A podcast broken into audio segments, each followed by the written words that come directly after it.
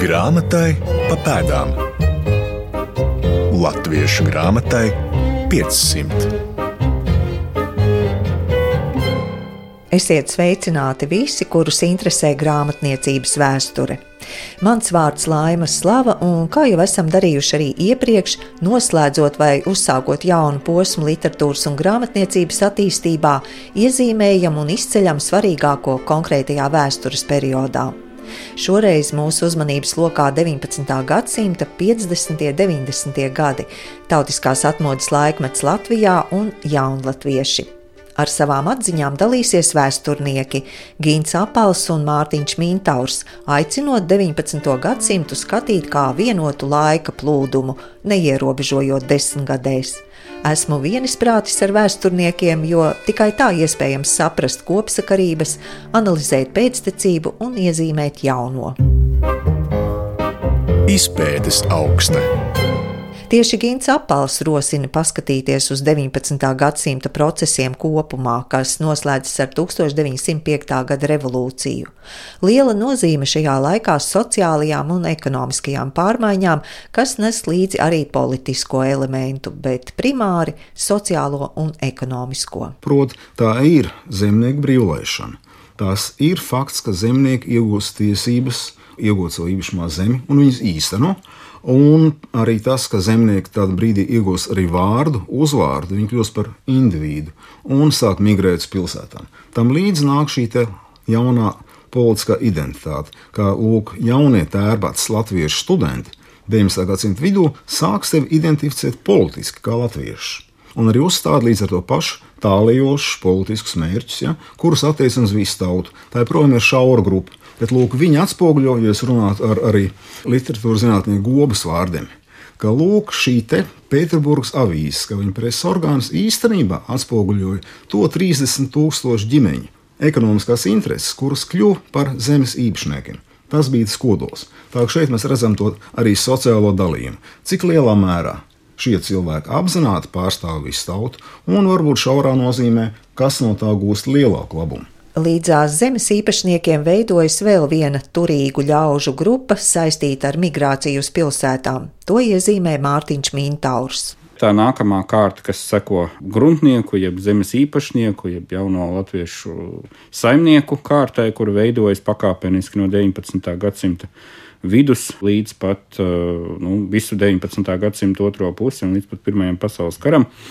Tad paralēli šai kārtai 60. gados Rīgā izveidojas turīgo latviešu iedzīvotāju slānis, kas ir tātad būvniecēji un namīpašnieki, un arī tirgotāji, arī rūpnieki, par kuriem arī mēs salīdzinoši varbūt mazāk zinām. Bet kas ieliek pamatus Rīgas Latviešu biedrībai 1868. gadā, un kas ir nākamais impulss vai nākamais pakāpiens tajā latviešu nācijas attīstībā, kuru kolēģis Gins Apels jau iezīmēja, ar ko tas viss sākās. Protams, te arī varētu būvēt to saikni, ka vairumā gadījumu šie turīgie un izglītotie pilsētnieki ir cēlušies no gruntnieku kārtas. Arī agrākā laika posmā tomēr bija ekonomiski aktīvi cilvēki, piemēram, Kaspars Biesbārs tēvs bija mūža rentnieks jau 19. gadsimta sākumā. Mhm. Tomēr tas sociālais elements pastāv visu laiku arī tautiskās atmodas kustībā, un tieši šīs sociālās šķērs Tas, ka arī Rīgas Latviešu biedrība pilnīgi apzināti pārstāv turīgos pilsētniekus un pārstāv arī, vismaz nomināli, arī šo jauno gruntnieku slāni, tas nozīmē to, ka pastāv šī miedarbība, kas noved arī pie kaut kur pie jaunās strāvas un sociālistu kustības priekšnoteikumu rašanās. Jo vienā brīdī, 19. gadsimta beigās, tad, kad Friedrichs Vembergs saka, ka viņam ir dabiskas tiesības kopā ar Rīgas Latviešu biedrību pārstāvēt visu tautu, bet realitātē viņi to neatiecina uz bezzemnieku sociālajiem interesēm, nu, tad veidojās pretruna, un šeit sākas sociālistu kustība. Izpētes augsne Latviešu grāmatai 500. Vai mēs varam vēlreiz pieskarties tiem studējošiem jaunekļiem un kāda tā viņu loma ir tieši šajā periodā, ko mēs apskatām? Studējošiem jaunekļiem ir uh, visnotaļ aktīva loma, jo, kā jau kolēģis teica, tā ir tā grupa, ko mēs kādreiz saucam par inteliģenci, tagad saucam par intelektuāļiem. Tie ir jauni cilvēki, kas ir ieguvuši augstāko izglītību gan Tērbatas universitātē, tagad Tartu, gan arī vēlāk ir studējuši gan Pēterburgā, gan Maskavā, gan arī ārzemēs, kuri tā tad ir tā latviešu sabiedrības daļa, kas var formulēt idejas un var formulēt priekšstatus arī pašiem par sevi arī par priekšstats par nāciju un par tiem mērķiem, kādi kultūras nācijai būtu jāsasniedz, cik tālu šie mērķi ir iespējami Krievijas impērijas apstākļos. Un tāpēc nu, visi atceramies no skolas laikiem stāstu par Krišjānu Valdemāru, kurš pielika pie savas istabas durvīm Tērbatas universitātes dzīvojamā korpusā uzrakstu Latvijas, ja, tautsēmniecības students un Latvijas. Toreiz to varbūt vēl 19. gadsimta 50. gadu vidū uz to reakcija arī Baltijas vācu aprindās bija vēl tāda piesardzīga, bet ar domu, ka tas varbūt nebūs tik traki, kā tas vēlāk izvērtīsies attiecībā pret to, kāda bija nostāja jaunatviešiem attiecībā uz Baltijas autonomiju vispār, pēc tam stāsts par sakariem ar slavofiliem, ideiskajiem un politiskajiem. Bet uh, droši vien, ka bez šiem studentiem, kuri lielā mērā arī ietekmējās no tā, ko viņi vēl 50. gados ir uzzinājuši par, ja runā par pirmo studentu paudzi, par tiem nu, saka, jaunatviešiem īstajiem pamatlicējiem, tad viņi, protams, ir ietekmējušies no tā, ko viņi var uzzināt par Eiropas revolūcijām 1848. un 49. gadā un pēc tam jau katra nākamā paudze droši vien iet vēl soli tālāk, un tas ir interesants uh, arī tāds nu, izpētes objekts. Gluži statistiski skatoties, tas studējošo skaits pieaug, lai gan vēl 70. gados, ja nemaldos, bija diskusija par to, vai ir nepieciešamas gimnāzijas latviešu valodā. Ar, ar argumentu tādu, ka nevajag izgudrot velospēdu vēlreiz, mums taču ir gimnāzijas ar vācu vai krievu mācību valodu, mums atliek tikai tur mācīties un tās pabeigt, bet varbūt mēs varam iztikt pat bez, paši bez savām gimnājām. Nu, kā zināms, tā ideja neīstenojās, un 20. gadsimta sākumā bija arī pirmās privātās latviešu gimnāzijas Rīgā. Pilnīgi pareizi kolēģis saka, tas ir lielā mērā paudžu jautājums, bet te mums varbūt nevajag piemirst, ka tas tā nav, ka viss sākās no pilnīgas nulles. Arī pirms tam ir izglītoti latviešu izcelsmes cilvēki. Piemēram, Neikens vai Cimzi, bet viņi neuzskata šo latviešu identitāti par politisku un, protams, ka viņi grib rīkoties un darboties latviešu kultūras laukā vienotās Baltijas sabiedrības ietvaros kopā ar Vācu baltiešu mācītājiem, kuri arī lieto un attīstina kopu latviešu valodu. Atceramies Latviešu draugu biedrību 1822. Tā, protams, Rīgas Latviešu biedrība nav pirmā un vienīgā. Manuprāt, jau šajā gadsimtā mums vajadzētu to mākslīgi novilkt, robežu drusku likt pie malas. Ja? Mhm. Tas ir vienots process, 19. gadsimta pirmā puse, ir jauna fāze, otrā puse, un tad nāk trešā fāze, kur jau beidzās līdz ar sociālistas kustības veidošanās, beidzās tautiskās atmodas kustība. Un tur sākās tātad lūk, latviešu pilsoniskie nacionālisti un latviešu sociālisti ja mēs skatāmies uz, arī uz jaunatviešiem un uz latviešu nacionālo kustību 19. gadsimtā kopumā, tad tā nebūtu sākusies bez latviešu avīzēm, kas sāk iznākt 1822. gadā, bez arī tā saucamajiem veclatviešiem. Ja ir jaunatvieši, tad arī ir veclatvieši. Tas ir tāds apzīmējums, kas attiecas uz to paudzi, kas darbojas pietiekami aktīvi un kas ir izaugusi lielā mērā vācu mācītāju ietekmē, labvēlīgā ietekmē un iegūst šo 19. gadsimta pirmajai pusē nepieciešamo starptautiskiem arī standartiem atbilstošo skolu, lai viņi varētu paši, kā latviešu izcelsmes autori, jau sākt darboties presē, jau sākt rakstīt arī literārus darbus, jo tas viss ir sagatavošanas posms, sagatavošanas darbs, ko faktiski ir veikuši vācu mācītāji, nu, sākot jau ar veco stenderu, tad, tad faktiski jau no 18. gadsimta beigām. Nu, tajā laikā vecais stenders, protams, ir labāk zināmā figūra un personība, bet uh, tas process jau neapstājās, un, un tāpēc arī varbūt tas konflikts starp jaunatviešiem un šo vācu mācītāju paudzi, kas bija izveidojusi apstākļus, lai šie jaunatvieši rastos lielā mērā tieši kā, kā profesionāli kultūras darbinieki, kā literāti kā cilvēki, kuri varēja pārtulkot latviešu valodā klasiskās dzējas paraugus, kā to darīja Juris Alnāns savās dziesmiņās 1856. gadā. Arī tas jau patiesībā nerodas tukšā vietā, jo šo tulkošanas tradīciju jau bija radījuši un attīstījuši Baltijas vācu mācītāji, kuri gan vāca folkloru, gan interesējās par latviešu valodu, arī no filoloģiskā viedokļa profesionāli interesējās. Nu, spilgtākais piemērs droši vien ir Bīlenšteins, kuram arī ir konflikti ar jauno, nikno jaunatviešu paudzi 19. gadsimta 70. gados. Tas zināmākais konflikts ir ar Kronvaldu Atti par uh, to, kādas ir latviešu valodas, kultūras un kvadrāti iekavās pēc noklusējuma latviešu tautas attīstības perspektīvas uh, turpmāk. Ja? Tad, tad tur jau rodas atšķirīgs priekšstats un atšķirīgas domas par to, kāda varētu būt latviešu turpmākā attīstība 19. gadsimta jau beigās un tuvojoties 20. gadsimtam. Man tikai viens mazs jautājums kolēģiem, bet arī klausītājiem. Īstenībā klausītāji redz, cik mums ir grūti aiziet no vecajiem priekšstatiem, kas ir pilnīgi ieaudzināti cilvēkos caur kultūras procesu, caur pamatskolu un vispārējo. Tajā brīdī, kad mēs sakām vācu mācītāji un pretnostatām to jaunatviešiem, mm -hmm. īstenībā jau tie ir vācu izcelsmes latviešu mācītāji, kur strādā latviešu draugzēs, kur darbojās kā latviešu literāti latviešu valodā. Nu, jā, arī Praktiski, Latviešu literāriskā biedrība jā, ir. Jā. Viņi jā, jau nedibina Baltijas vācu uh, mācītāju vai Baltijas vācu literātu biedrību 1824. bet, bet viņi uh, nodibina Latviešu literārisko biedrību. Tad, tad, jā, tas ir ļoti interesants jautājums. Kas arī pie mums ir maz pētīts, kā būtu attīstījusies situācija tālāk, ja nebūtu šī konflikta potenciāla 19. gadsimta vidū. Un uh, ļoti iespējams, ka mēs patiešām runātu par uh, arī par šiem 19. gadsimta pirmās puses mācītājiem, luterāņu mācītājiem, kas latviešu draugzēs strādāja. Un, protams, ka runāja tādā latviešu valodā, ne tāda, kādā mums ir radies priekšstats, ka viņi visi runāja ļoti, ļoti kropļotā un, un, un nepareizā latviešu valodā. Tas arī tāds padomju laika stereotips, kas iesēdies apziņā. Bet kā būtu attīstījusies latviešu kultūra, ja nebūtu radusies plaisa, ko kolēģis jau pieminēja, ne tikai paudžu ziņā, bet arī nu, ar, ar etnisku nokrāsu. Ja? Ja, piemēram, nebūtu Cinze saņēmis pārmetumus uh, no tiem pašiem jaunatviešu aktīvistiem par vāciskumu, vai nebūtu šīs sadursmes starp, uh, starp Bīlensteinu un aktīvākajiem jaunatviešiem.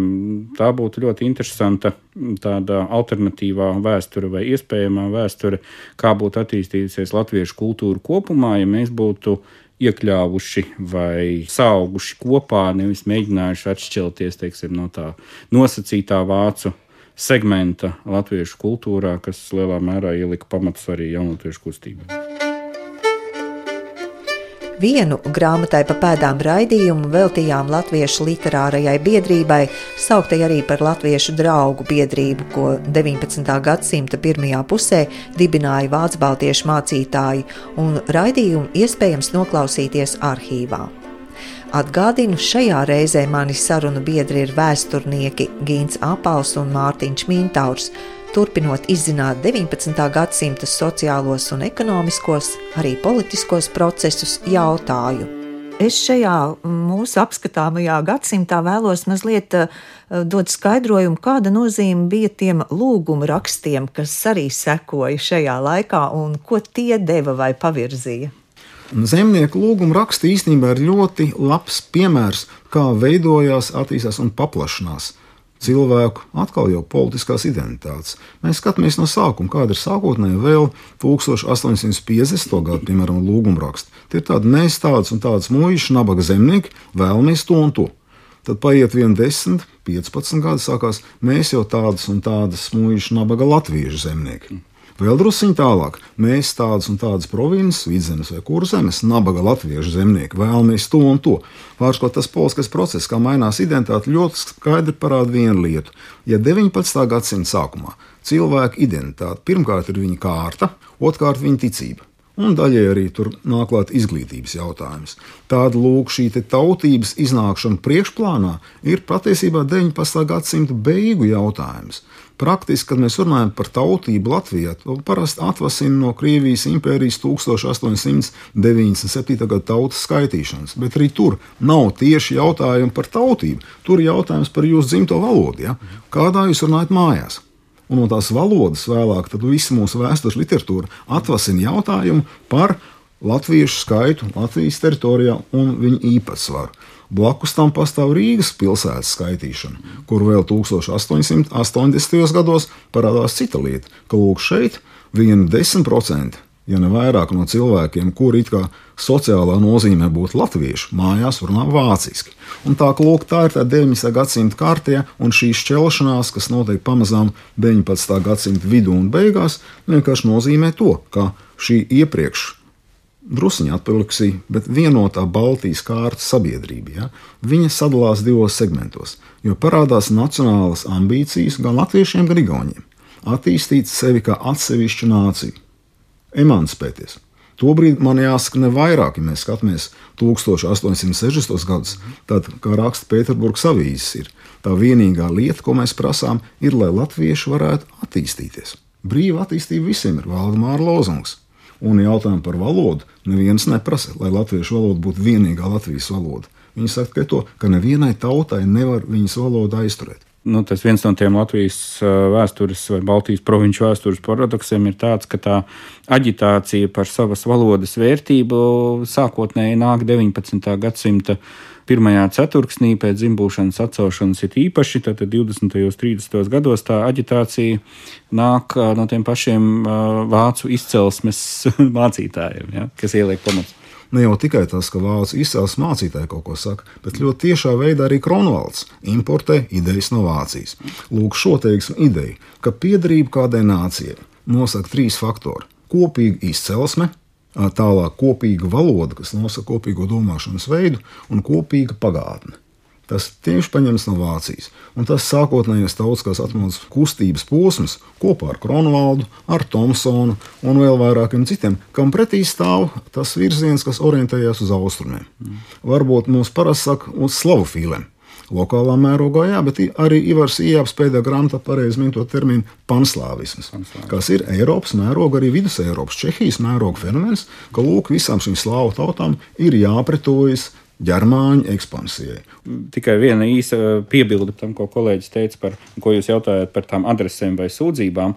Kontekstā ar Igaunijas piemēru, jo Igauņu, Igauņu filozofam Jānam Munduskam ir, ir tāda esēja, kas arī latviešu ir tulkota par retoriskajiem spaidiem Igauņu padomju historiografijā, kur viņš ļoti labi parāda, ka tā tradīcija, zemnieku tradīcija rakstīt sūdzības par mūžu un par saviem nominālajiem sociālajiem kungiem, kur nu viņi varēja rakstīt, vai nu gubernatoram, vai augstākā 19. gadsimtā teica aiziešu līdz valdošajam senātam Pēterburgā ar savām sūdzībām, ka tas patiesībā liecina par to, ka šis zemnieks, kas ir nu, arī pēc tāda stereotipa ļoti apspiests un ļoti nomocīts, un nav viņam ne gaisa, ne iespējas neko panākt savā labā. Tas, ka cilvēks uh, sastāda šādu sūdzību augstākai priekšniecībai, un ka tas, tie nav kaut kādi atsevišķi gadījumi, kā jau kolēģis minēja, tādas sūdzības ir regulāras.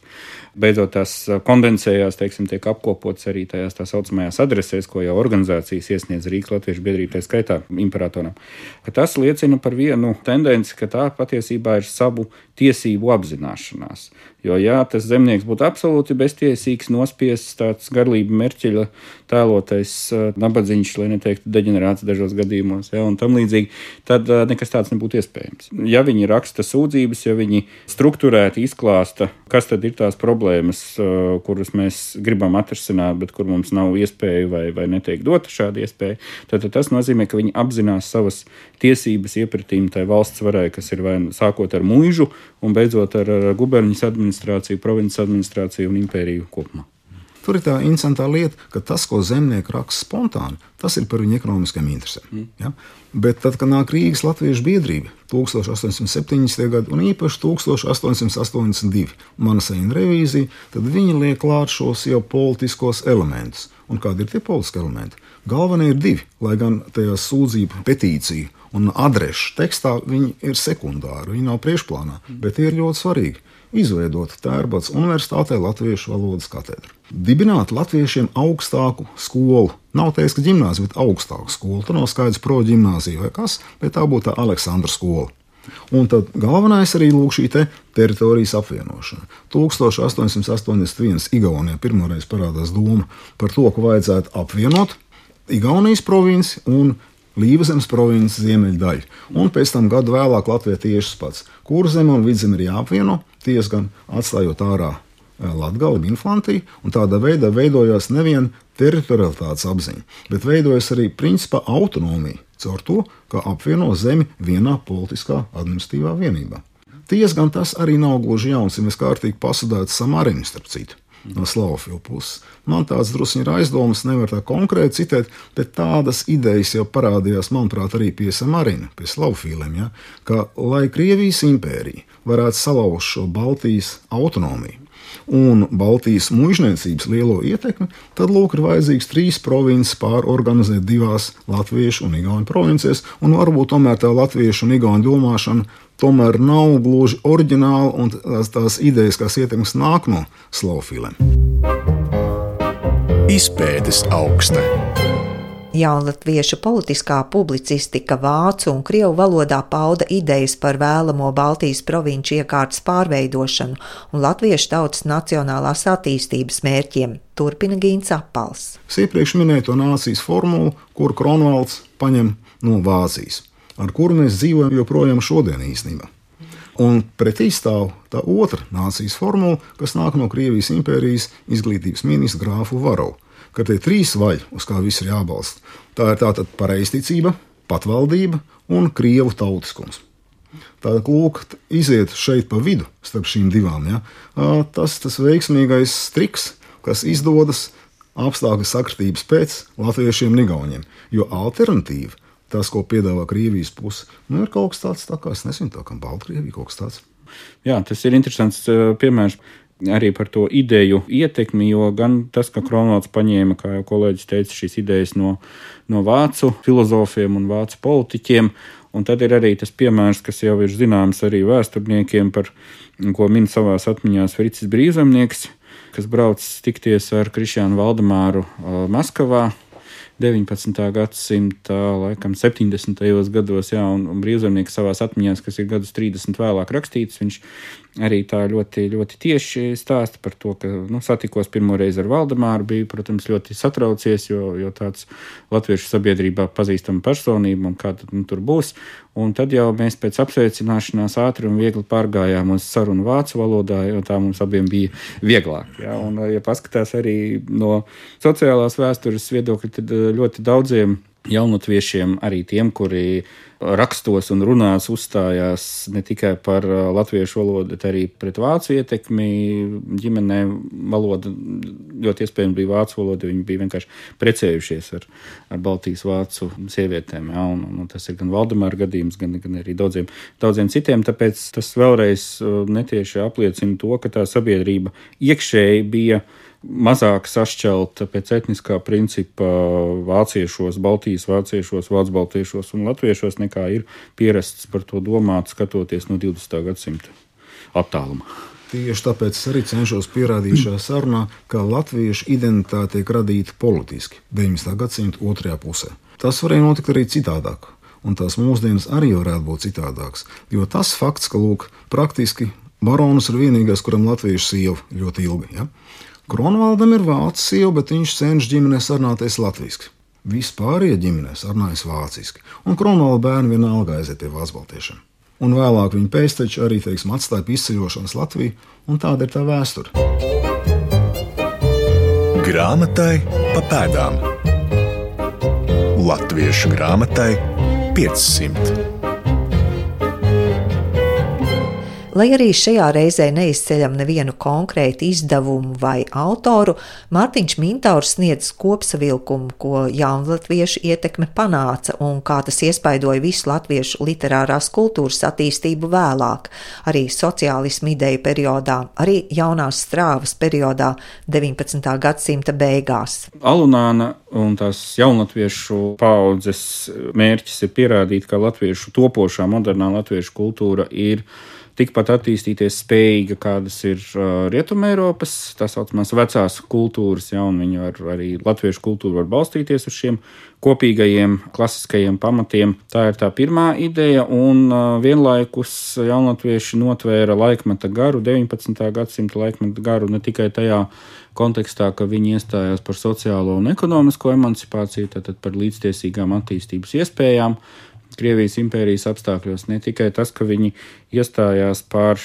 latviešu valodas attīstību, kas arī ir tās 19. gadsimta nacionālisma elements, bet arī tas, ka ļoti aktīvā darbība latviešu preses izdevumu jomā un sfērā ir arī ļoti labs pierādījums tam, kā, cik laikmetīgi un savam periodam atbilstoši arī domāja tā laika gan jaunatvieši, gan viņu sekotāji nākamā un aiznākamā paudze, ka viņi ļoti ātri pielāgojās tam prasībām, ko izvirzīja 19. gadsimts mediju jomā un um, drukātāja iespiestā vārda izplatīšanā. Ja? Un tas, ka, piemēram, Bernhards Dīriķis, kuru pazīst kā Baltijas vēstneša dibinātāju, viena no Rīgas uh, latviešu biedrības, arī pamatlicējiem, nu, ka viņš jau 1860. gadā publicēja mazu brošūriņu, kas saucās Latviešu rakstniecība. Tas norāda arī uz to, ka Dīriķis, protams, nebija pirmais, kurš rakstīja tādu retrospektīvu pārskatu par latviešu literatūru. To ir tie paši Baltijas vācieši iepriekš jau darījuši.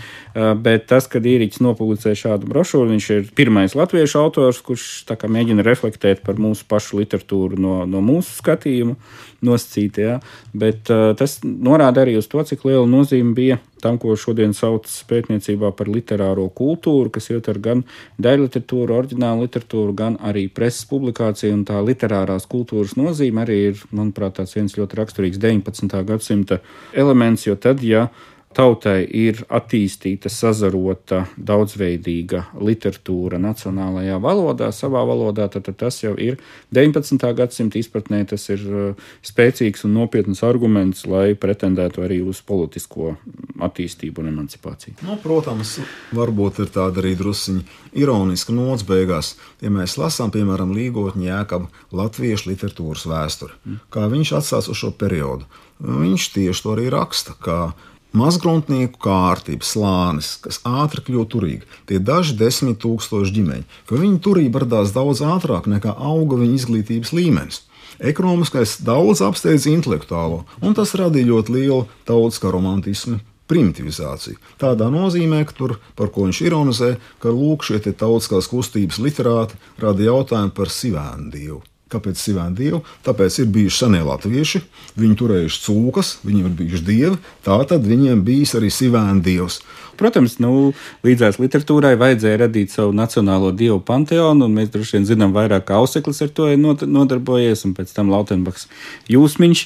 Tur bija ļoti daudz tādu parādību, kurus brāļi kaudzītis arī ir iekļāvuši pietuku krustiņu tēlā, kas ir, nu, tad, tad ja romāns ir 1879. gads, tad mēs redzam, ka jau 70. gadu nogalē, otrajā pusē jau ir skaidrs, ka tas nacionālā romantisma virziens ir lielā mērā kļūst par izsmieklu objektu daudzās savās izpausmēs. Kaut gan nu, tā pašā laikā latviešu folkloras vākšana un, un, un vispirms tā, tā tautas dziesmu vākšana joprojām ir tas, ar ko nodarbojas un ar ko aicina nodarboties nacionālās kustības ideologi. Ja, uz ko tad mēs varētu atspērties uz nacionālo folkloru, jo mums, redziet, nav eposa. Jā, nu, arī pumpura piedāvājums ir, ja nu nav latviešu kalevālas vai kalevi poega, nu, tad, tad radīsim pēc tautas teikām sacerētu literāro darbu.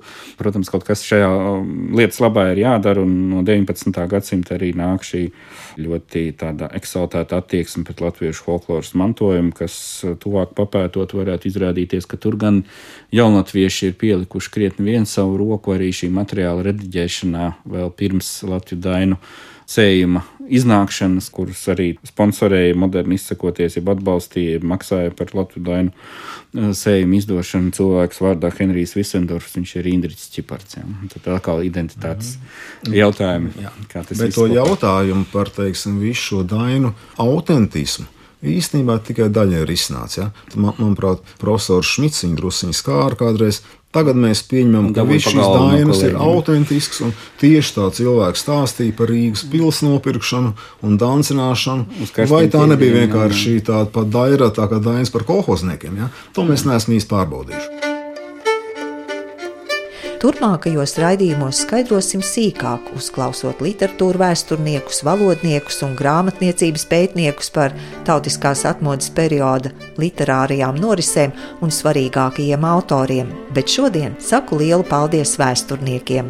Ieskatu svarīgākajos 19. gadsimta sociālajos, ekonomiskajos, politiskajos un arī kultūras procesos sniedza vēstures zinātņu doktori Gins Apals un Mārtiņš Mintaurs. Man laiks atvadīties. Par raidījumu labskaņu rūpējās Nora Mitspapa, producente Santa Lauga, ar jums sarunājos es Laima Slava. Raidījumu padomdevējs Latvijas Nacionālā bibliotēka.